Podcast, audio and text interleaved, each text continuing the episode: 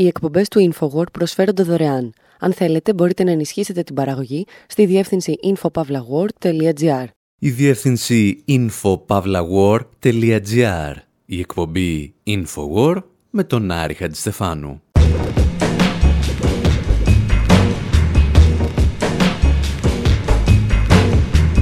όπου σήμερα ασχολούμαστε με τις καλλιτεχνικές ανησυχίες της CIA.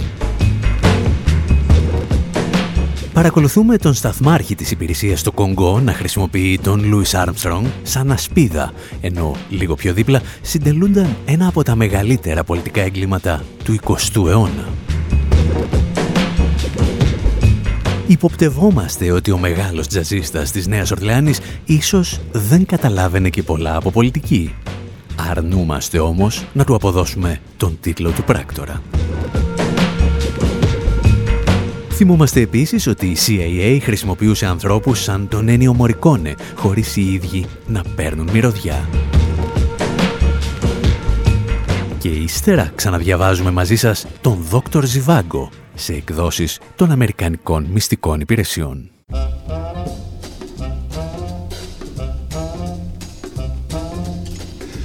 Remember who you are and what you represent. Always be a credit to your government. No matter what you say or what you do, the eyes of the world are watching you. Remember who you are and what you represent. Represent, represent.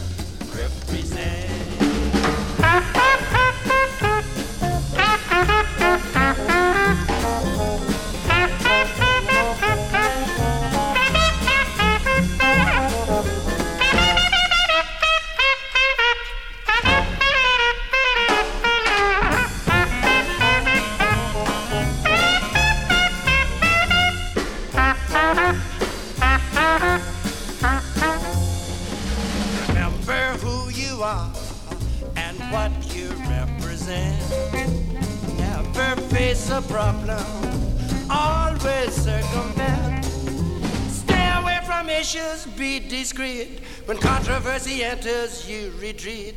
Remember who you are and what you represent. Represent, represent, represent.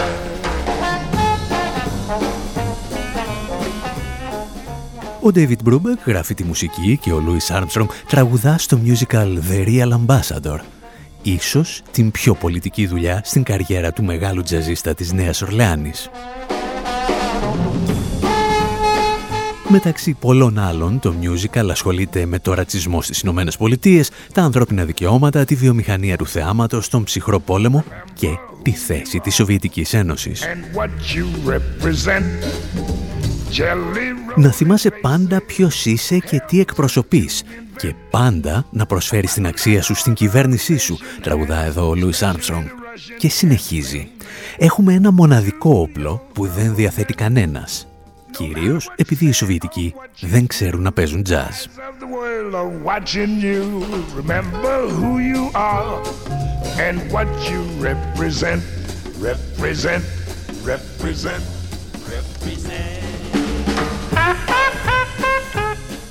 Ο Λούις Άρμστρονγκ θα εμπνευστεί το τραγούδι καθώς περιοδεύει στην Αφρική το 1960 με έξοδα του State Department για να λειτουργήσει σαν πολιτισμικός πρέσβης των Ηνωμένων Πολιτειών και όταν φτάνει στο Κονγκό τον υποδέχονται με τιμές αρχηγού κράτους, όπως μας θύμιζαν και τα επίκαιρα της εποχής. One of America's most popular emissaries gets a warm reception as he arrives in the troubled Congo. Ένας από τους πιο δημοφιλείς εκπροσώπους της Αμερικής λαμβάνει θερμή υποδοχή καθώς φτάνει στο ταραγμένο Κονγκό σε μια αποστολή καλής θέλησης που χρηματοδοτεί το State Department. Ο Λούι Armstrong, του οποίου η χρυσή τροπέτα κηρύσσει το Ευαγγέλιο της Jazz της Νέας Ορλεάνης σε κάθε ήπειρο, καταφθάνει με πραγματική υποδοχή βασιλιά.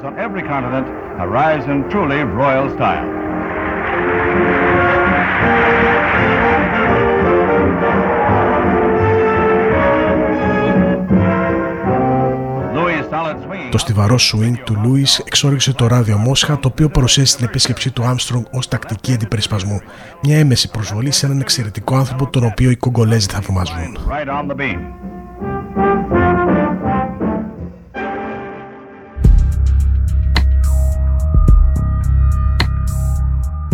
Εάν ρωτούσες τότε τον Άρμστρονγκ πώς πέρασε στο Κονγκό, θα σου έλεγε υπέροχα. Τα πλήθη με υποδέχονταν με ενθουσιασμό και το βράδυ μου έκανε το τραπέζι ο πολιτιστικός ακόλουθος της Αμερικανικής Πρεσβείας. Στην πραγματικότητα βέβαια αυτός που περιέγραφε ήταν ο Λάρι Ντεύλιν, ο οποίος δεν ήταν πολιτιστικός ακόλουθος, αλλά ο σταθμάρχης της CIA στο Κονγκό. Και λίγα χιλιόμετρα πιο μακριά από το εστιατόριο όπου διπνούσαν, κρατούνταν σιδηροδέσμιος ο Πατρίς Λουμούμπα, ο πρωθυπουργός του Κονγκό, ο οποίος σύντομα θα εκτελούνταν με εντολές των Αμερικανικών και των Βελγικών μυστικών υπηρεσιών. Όπως αποκαλύφθηκε προημερών, η CIA χρησιμοποιούσε τον Louis Armstrong σαν δούριο ύπο για να παρισφρήσει σε περιοχές της χώρας που διαφορετικά δεν θα είχε πρόσβαση. Και το ερώτημα είναι, γνώριζε ο μεγάλος τζαζίστας ότι λειτουργούσε σαν πιόνι για μία από τις πιο στιγερές πολιτικές δολοφονίες αρχηγού κράτους στην ιστορία του 20ου αιώνα;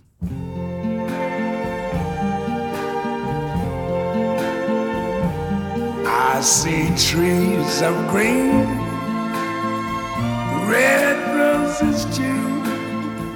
I see them bloom for me and you. And I think to myself, what a wonderful world. Ο Λούις Άρμστρονγκ έχει καταγραφεί στο συλλογικό υποσυνείδητο της ανθρωπότητας ως ο αρχετυπικά καλός άνθρωπος. Κάτι σαν τον Τσάρλι Τσάπλιν ή ακόμη καλύτερα τον Θανάση Βέγκο. Ορισμένοι σύγχρονοί του όμως υποστήριζαν ότι ήταν καλός και εκεί που δεν έπρεπε. Για την ακρίβεια, ότι λειτουργούσε σαν το λούτρινο αρκουδάκι μιας Αμερικής που δεν μπορούσε να ξεφύγει από το θεσμικό ρατσισμό της. Συγκεκριμένα τον αποκαλούσαν Uncle Tom, δηλαδή Μπαρμπαθωμά, από το βιβλίο «Η καλύβα του Μπαρμπαθωμά» της Harriet Beecher Stowe όπου Μπαρμπαθωμάς σημαίνει πλέον ένας μαύρος ο οποίος δείχνει υποταγή, κατανόηση ή ακόμη και συμπόνια για τους λευκούς δυνάστες του.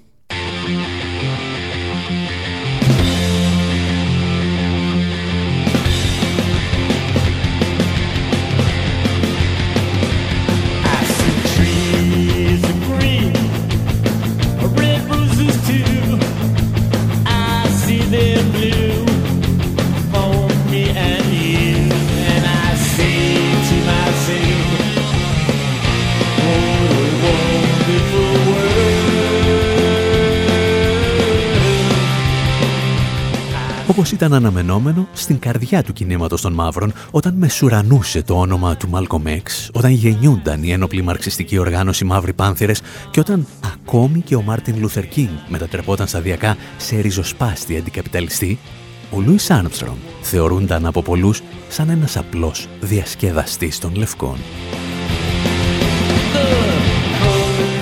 Ο διάσημος μουσικοκριτικός και συνθέτης Γκούντερ Σούλερ τον αποκαλούσε ένα ανατριχιαστικό πλοκάμι του καταναλωτισμού και ο Μάιλς Ντέιβις ενώ τον θαύμαζε έλεγε ότι στη σκηνή συμπεριφέρεται σαν κλόουν.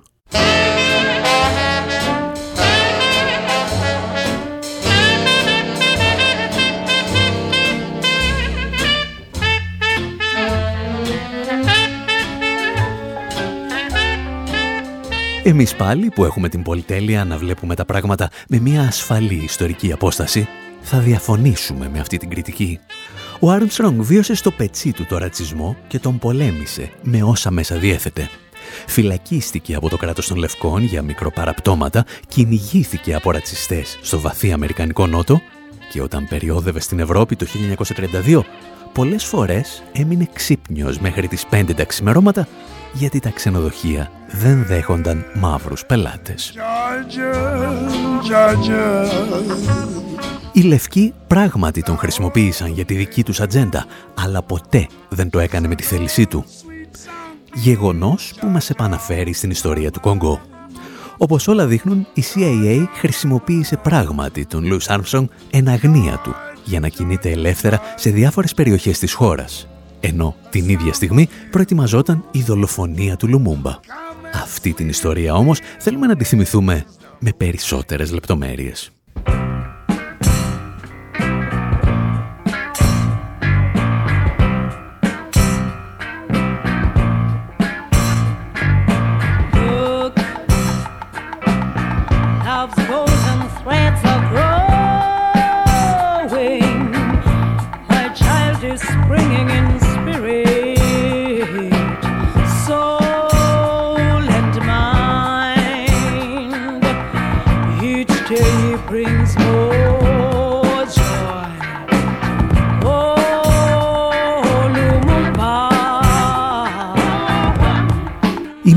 Μακέμπα που έμεινε στην ιστορία ως Μάμα Αφρικα τραγουδά για μια περίεργη οικογενειακή υπόθεση.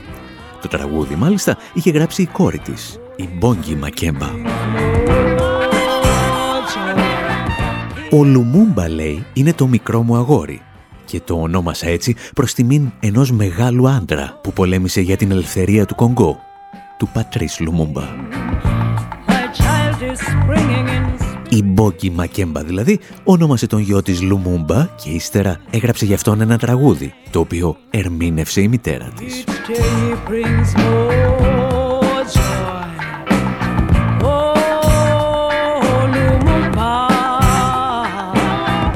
Η μαμά και η κόρη Μακέμπα καταγόνταν από την Νότια Αφρική και προφανώς για να δώσουν στο παιδί το όνομα ενός πολιτικού από το Κονγκό θα πρέπει να ήταν πολύ ωραίος τύπος. Για την ακρίβεια, κάποιοι συγκρίνουν τον Λουμούμπα με τον πρόεδρο της Χιλής, Σαλβαδόρ Αλιέντε, που δολοφονήθηκε από το πραξικόπημα του στρατηγού Πινοσέτ. Ο Τσιγκεβάρα προειδοποιούσε από το 1964 ότι όλη η ανθρωπότητα θα πρέπει να διδαχθεί από τη δολοφονία του Λουμούμπα. Και τρία χρόνια αργότερα δολοφονήθηκε και ο ίδιος. Και αν υπάρχει κάτι που συνδέει αυτούς τους τρεις ανθρώπους, τον Αλιέντε, τον Λουμούμπα και τον Τσεκιβάρα, ήταν ότι δολοφονήθηκαν με εντολή ή τουλάχιστον με την επίνευση της CIA. Ο Λουμούμπα θα καταφέρει τελικά να οδηγήσει τη χώρα του στην ανεξαρτησία από τη Βελγική Απικιοκρατία και στις 30 Ιουνίου του 1960 ως πρωθυπουργός της χώρας εκφωνεί μια ιστορική ομιλία την οποία οι απικιοκράτες δεν θα του συγχωρέσουν ποτέ. Nous avons connu les ironies, les insultes, les coups que nous devions subir matin, midi et soir Υποστήκαμε περιφρόνηση, προσβολές και χτυπήματα πρωί, μεσημέρι και βράδυ, διότι είμαστε νέγροι. Ποιος μπορεί να ξεχάσει ότι στους μαύρους αναφέρονται με το εσύ, όχι επειδή ήταν φίλοι, αλλά επειδή το τιμητικό εσείς ήταν αποκλειστικό προνόμιο των λευκών. Έχουμε δει τη γη μας να υφαρπάζεται στο όνομα υποτιθέμενα δίκαιο νόμων που αναγνώριζαν μονάχα το δίκαιο της ισχύως.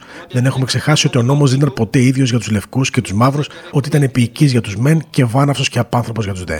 Έχουμε γίνει μάρτυρες αποτρόπαιων κακουχιών, έχουμε διωχθεί για τις πολιτικές απόψεις και τα θρησκευτικά πιστεύω και έχουμε εξοριστεί από την προγονική μας γη. Η μοίρα μας ήταν χειρότερη και από τον ίδιο το θάνατο. Δεν έχουμε ξεχάσει ότι στις πόλεις η επάβλη ήταν για τους λευκούς και τα χαμόσπιτα για τους μαύρους.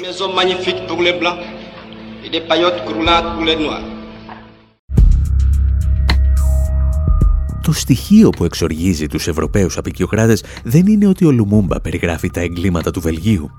Είναι ότι τονίζει πως η ελευθερία και η ανεξαρτησία επιτυγχάνονται μόνο με σύγκρουση και συγκεκριμένα με την ένοπλη πάλι. Cette indépendance du Congo αν και αυτή είναι εξαρτησία του Κογκό τη γιορτάζουμε σήμερα μαζί με το Βέλγιο, μια φιλική χώρα με την οποία συνομιλούμε ω ίση, κανείς Κογκολέζος δεν θα ξεχάσει ότι την κερδίσαμε με αγώνα. Αγώνα καθημερινό, αγώνα φλογερό και ιδεαλιστικό. Έναν αγώνα στον οποίο υποστήκαμε στερήσεις και για τον οποίο δώσαμε τη δύναμη και το αίμα μας. Διότι ήταν ένας ευγενής και δίκαιος αγώνας, απαραίτητος για να βάλουμε ένα τέλος στην εξευτελιστική σκλαβιά που μας επιβλήθηκε μέσω της ισχύως. Αυτή ήταν η μοίρα μας στα 80 χρόνια απεικιοκρατικού καθεστώς και οι πληγές μας είναι πολύ φρέσκες και επίπονες για να τις ξεχάσουμε. Μας επέβαλαν εξωθενωτική εργασία σε αντάλλαγμα για μισθούς που δεν μας επέτρεπαν να φάμε αρκετά για να μην πεινάμε ή να ντυθούμε παρκώς ή να έχουμε αξιοπρεπή στέγαση ή να μεγαλώσουμε τα παιδιά μας με αγάπη. Δόξα στους αγωνιστές της εθνικής μας απελευθέρωσης. Ζήτω η εξαρτησία και η Αφρικανική ενότητα. Ζήτω το ανεξάρτητο και κυρίαρχο Κονγκό. Vive le Congo indépendant et souverain.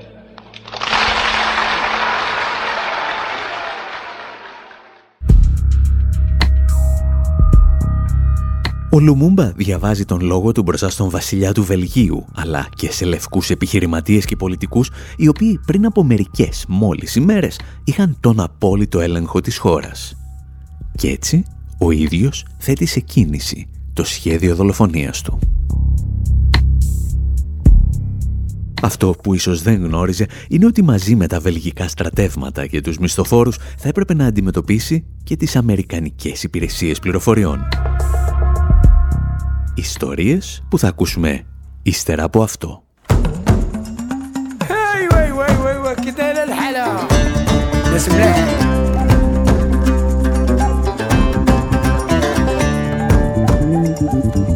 Je suis africain, africain du nord au sud. Et je suis africain, dedans comme dehors. Je suis africain. Je n'ai pas le rythme dans la peau. Je suis africain. Un albinos afro.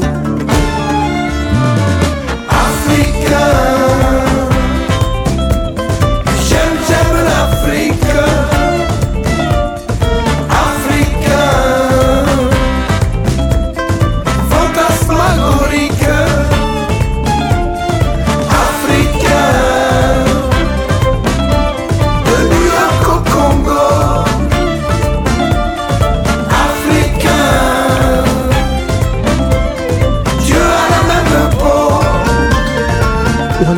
Αλγερινός Ρασίν Ταχά που μας άφησε το 2018 τραγουδά για μεγάλες προσωπικότητες αφρικανικής καταγωγής. Και ανάμεσα στον Μάλκον Μέξ, τον Χέντριξ, τον Φανόν και τον Τεριντα θα ακούσατε και το όνομα του Λουμούμπα. Ο νέος πρωθυπουργός του Κονγκό, λίγες μόλις ημέρες μετά την ανάληψη των καθηκόντων του, βρίσκεται αντιμέτωπος με εξεγέρσεις στο εσωτερικό της χώρας πολλές από τις οποίες τυχαίνει να ξεκινούν σε περιοχές όπου δραστηριοποιούνται ξένες μεταλλευτικές εταιρείες. Απέναντί του όμως δεν έχει μόνο Ευρωπαίους επιχειρηματίες, αλλά και τον πρόεδρο των Ηνωμένων Πολιτειών. Τα εξηγούσε και πάλι ο Καμπάλε Μουσαβουλή.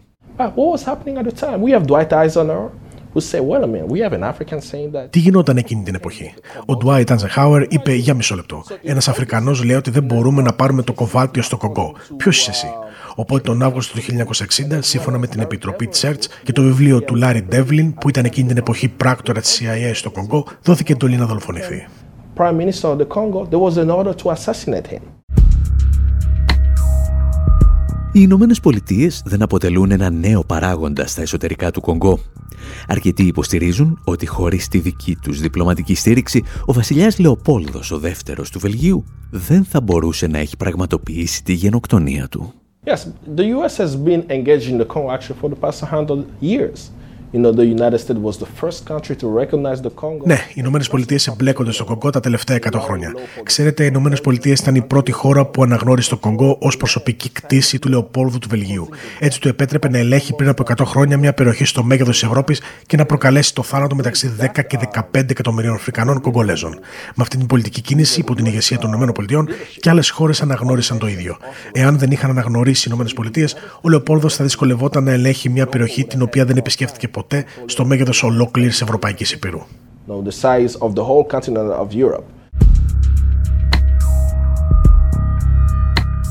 Καθώς τα σχέδια ανατροπής του βρίσκονται σε πλήρη εξέλιξη από τις Ηνωμένες Πολιτείες και το Βέλγιο, ο πατρίς Λουμούμπα ζητά τη βοήθεια των Ηνωμένων Εθνών, τα οποία στέλνουν κιανόκρανους, αλλά φαίνεται να τηρούν ίσες αποστάσεις με τους πραξικοπηματίες. Η μόνη ανταπόκριση στο καλεσμά του έρχεται από τη Σοβιετική Ένωση, η οποία όμως δεν θα καταφέρει ή δεν θα τολμήσει να ανατρέψει τις ισορροπίες.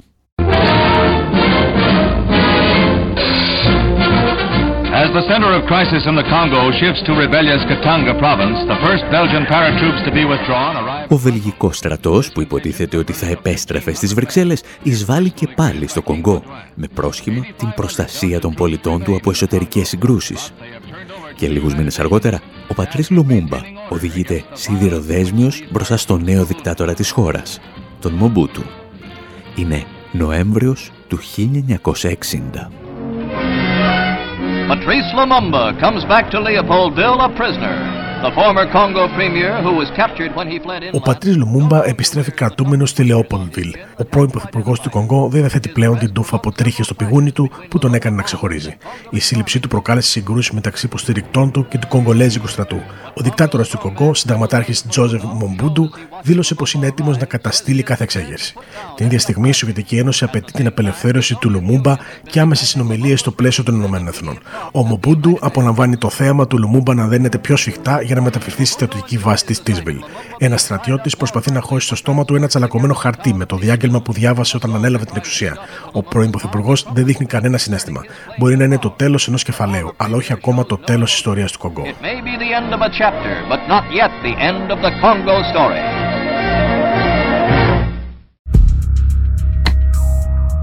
Ο Λουμούμπα θα εκτελεστεί τελικά σε μυστική τοποθεσία στις 17 Ιανουαρίου του 1961.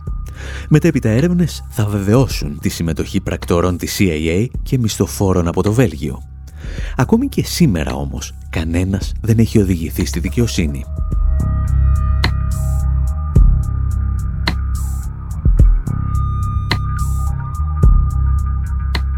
Εσείς μένετε εδώ, γιατί στο δεύτερο μέρος της εκπομπής ακούμε και άλλες ιστορίες για τις καλλιτεχνικές ανησυχίες της CIA.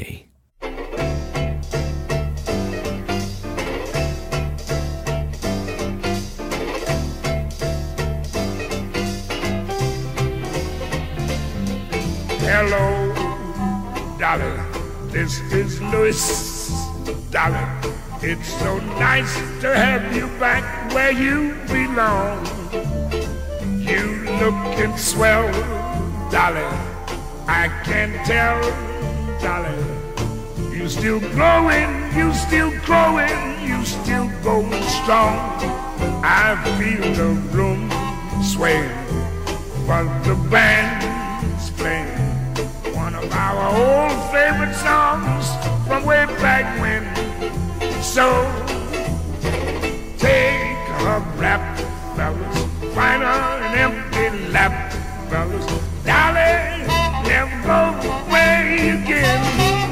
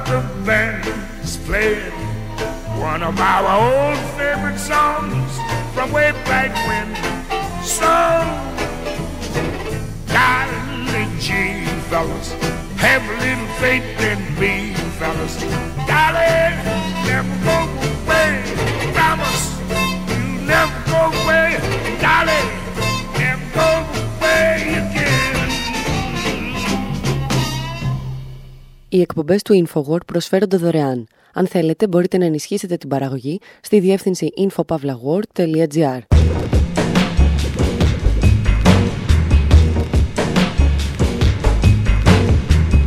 Εκπομπή Infowar, μέρος δεύτερο. Όπου αφού συζητήσαμε για τον τρόπο με τον οποίο μετέτρεψε η CIA τον Louis Armstrong σε ένα πιόνι για την ανατροπή και δολοφονία του Πρωθυπουργού του Κόγκο, θυμόμαστε και μερικές ακόμη καλλιτεχνικές ανησυχίες των Αμερικανικών μυστικών υπηρεσιών. Συγκεκριμένα θυμόμαστε ένα φεστιβάλ μουσικής στη CIA, αλλά και κάτι εκδόσεις του δόκτωρος Σιβάγκο από τις εκδόσεις CIA και CIA.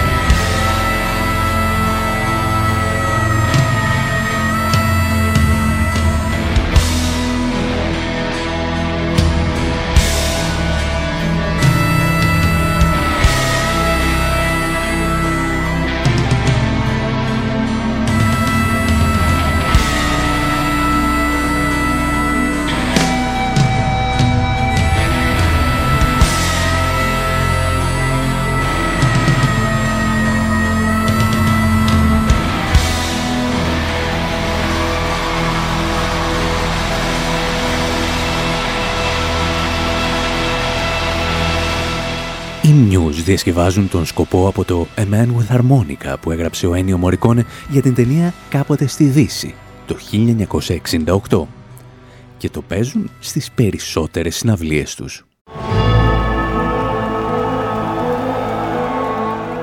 Το ίδιο θα κάνουν παρεμπιπτόντως και οι Metallica χρησιμοποιώντας για τις δικές τους συναυλίες αποσπάσματα από το The Ecstasy of Gold που γράφτηκε για την ταινία «Ο καλός, ο κακός και ο άσχημος».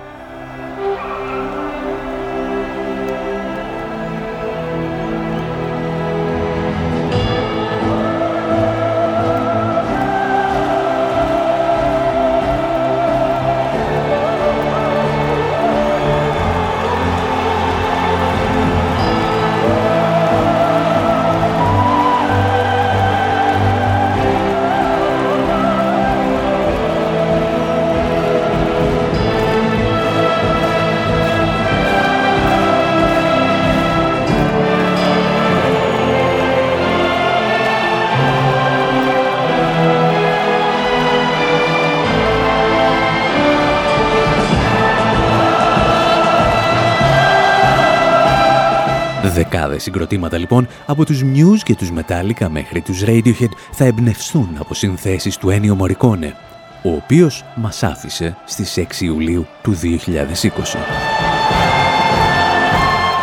Και να σκεφτεί κανείς πως ο ίδιος ο Μωρικόνε έλεγε ότι η βασική πηγή έμπνευσής του ήταν ένα φεστιβάλ το οποίο παρακολουθούσε στα νιάτα του και όπως αποδείχθηκε το χρηματοδοτούσε η CIA. Όπως εξηγούμε και στη στήλη του Infowars στην εφημερίδα των συντακτών, ο Μωρικόνε δήλωνε πως κατάλαβε τι σημαίνει να γράφει σύγχρονη μουσική από τα μαθήματα που έλαβε στο ετήσιο φεστιβάλ του Darmstadt, μια πόλη στο κρατήδιο της Έσης, στη Γερμανία.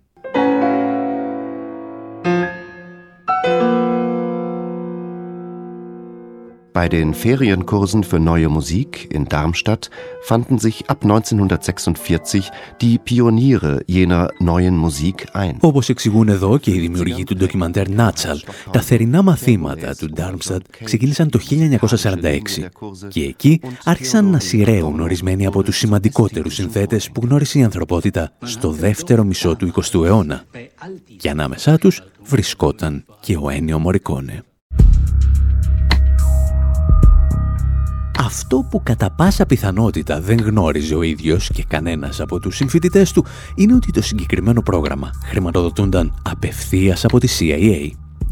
Ήταν ένα από τα μυστικά προγράμματα που είχαν δημιουργήσει οι Ηνωμένες Πολιτείες για να κερδίσουν τον πολιτισμικό ψυχρό πόλεμο με τη Σοβιετική Ένωση και ενίοτε να στρατολογούν και κανέναν πράκτορα.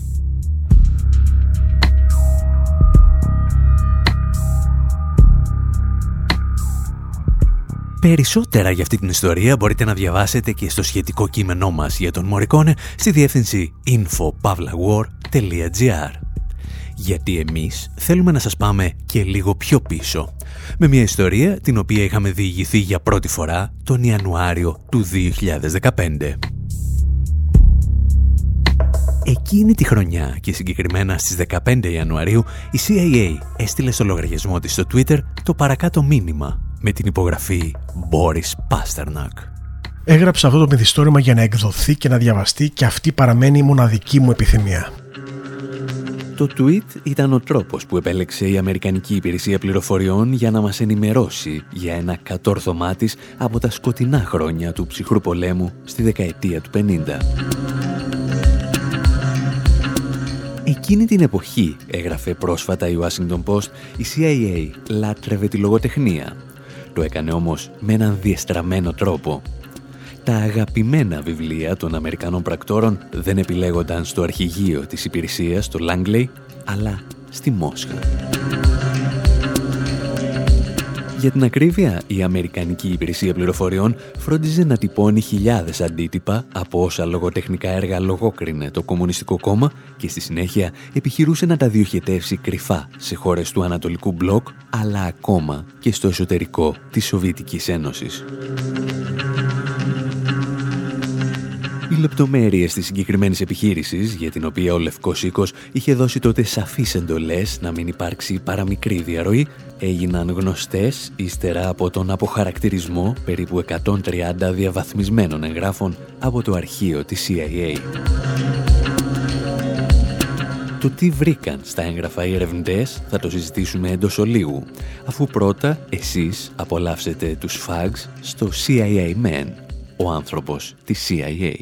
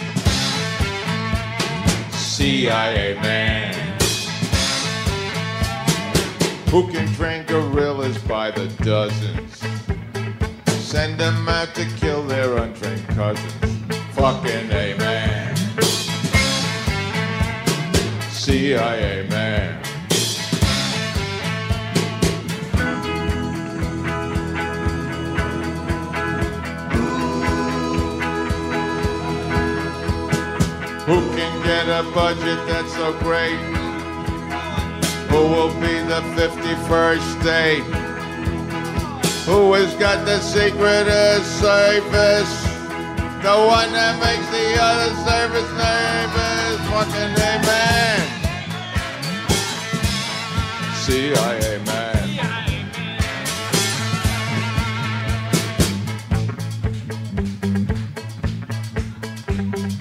Who can take the sugar from its sack? Pour in LSD and put it back. Fucking amen. CIA man. Who can mind the harbors, Nicaragua? Out hit all the hitmen of Chicago. Fucking amen. CIA man.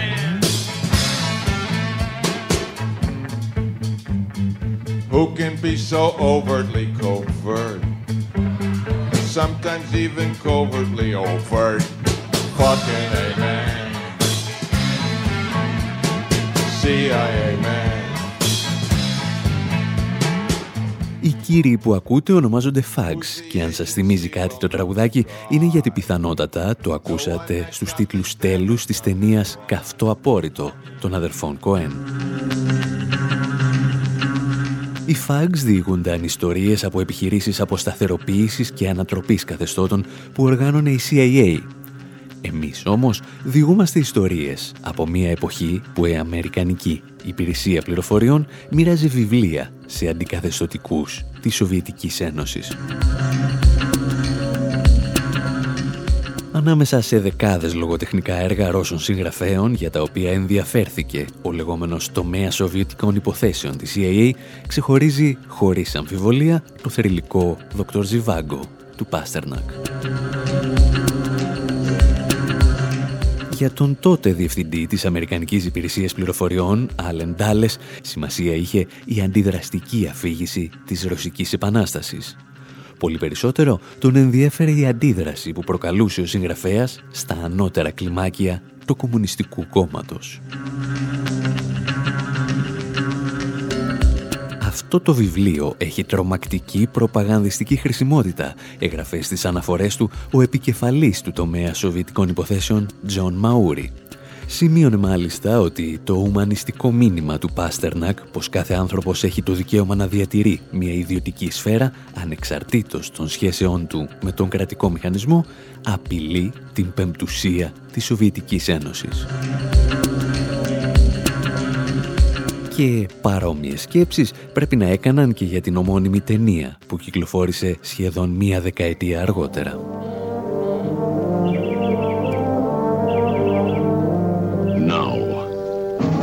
Most most widely acclaimed novel of our generation, Metro Goldwyn Mayer presents David Lean's film of Boris Pasternak's Dr. Zhivago.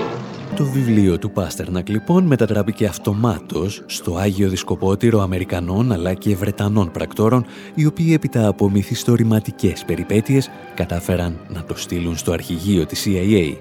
Ήταν ένα πακέτο που περιείχε το κείμενο σε μικροφίλμ. Αν και η ιστορία φαντάζει σήμερα απλώς σαν ένα συναρπαστικό ψυχροπολεμικό αφήγημα, για αρκετούς σχολιαστές στις Ηνωμένες Πολιτείες αποτελεί την αντεστραμμένη εικόνα της σημερινής Αμερικής.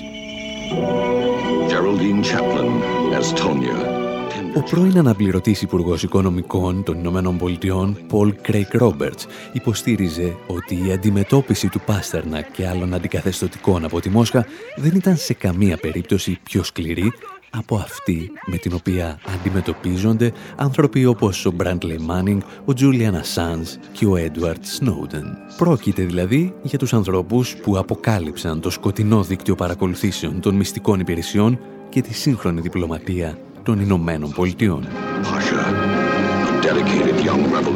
Πριν φτάσουμε όμως εκεί, εσείς έχετε να ακούσετε άλλο ένα τραγουδάκι για τη CIA. Οι Trampled by Turtles αποκαλύπτουν ότι ο αδερφός μου εργάζεται στη CIA. I'm still looking out your window through shaded tones of home While dusty memories echo down like rain And the years grow ever longer The days go flying by And I can't wait till you and I are finally home again Well, there ain't no easy answers When the circus is in town troubled juries hang each other dead. And the TV's filled with poets who only write in rhyme. And my brother works for the CIA when he's not doing time.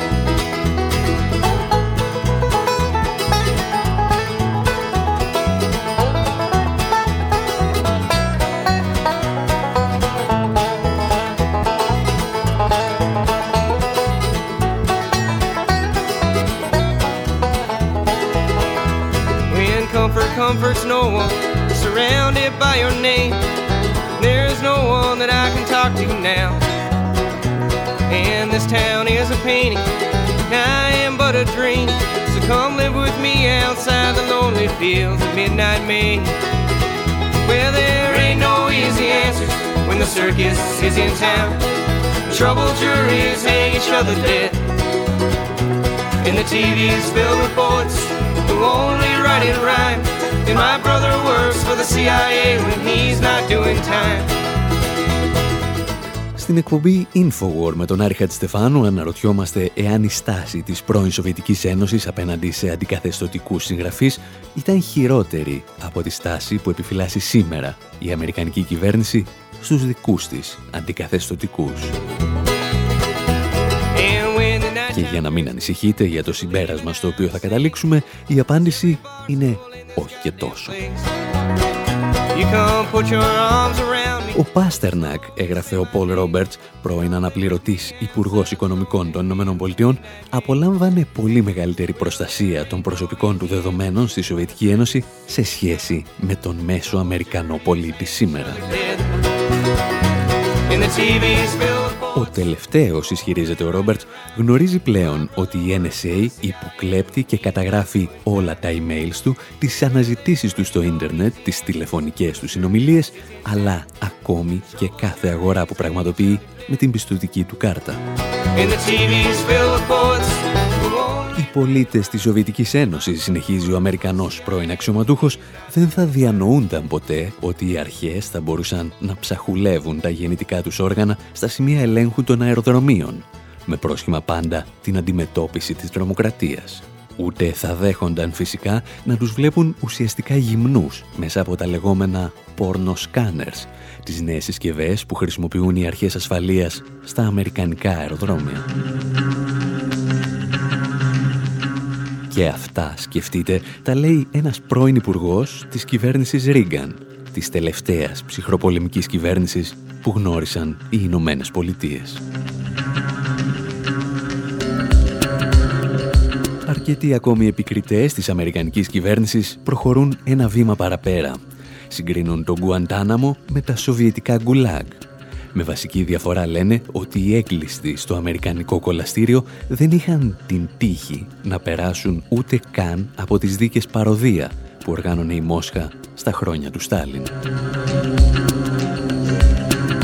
Οι ίδιοι επικριτές επισημαίνουν με νόημα ότι ακόμη και στις πιο σκοτεινές ημέρες του σταλινισμού η Σοβιετική Ένωση δεν πλησίασε καν τη θλιβερή πρωτιά που διατηρούν οι Ηνωμένες Πολιτείες. Την πρωτιά να έχουν τον μεγαλύτερο αριθμό κρατουμένων σε σχέση με οποιαδήποτε άλλη χώρα του πλανήτη. Τουλάχιστον 2,3 εκατομμύρια πολίτες των ΗΠΑ βρίσκονται σήμερα σε κάποιο κελί και εκατομμύρια άλλοι βρίσκονται υπό αστυνομική επιτήρηση. Για την ιστορία, ο συνολικός αριθμός των κρατουμένων τα τελευταία 35 χρόνια αυξήθηκε κατά 700% στις Ηνωμένες Πολιτείες. Και αυτό παρά το γεγονός ότι τα επίπεδα εγκληματικότητας παρέμειναν στάσιμα, ενώ σε ορισμένες πολιτείες μειώθηκαν. Πού θα βρισκόταν λοιπόν σήμερα ο Πάστερνακ αν έγραφε ένα βιβλίο για την ιδιωτική σφαίρα στη χώρα του υπαρκτού καπιταλισμού, δηλαδή στις Ηνωμένες Πολιτείες, για μια τραγική ηρωνία της τύχης, ίσως αναγκαζόταν και αυτός να ζητά πολιτικό άσυλο από το εξίσου αυταρχικό καθεστώς του Πούτιν στη Ρωσία.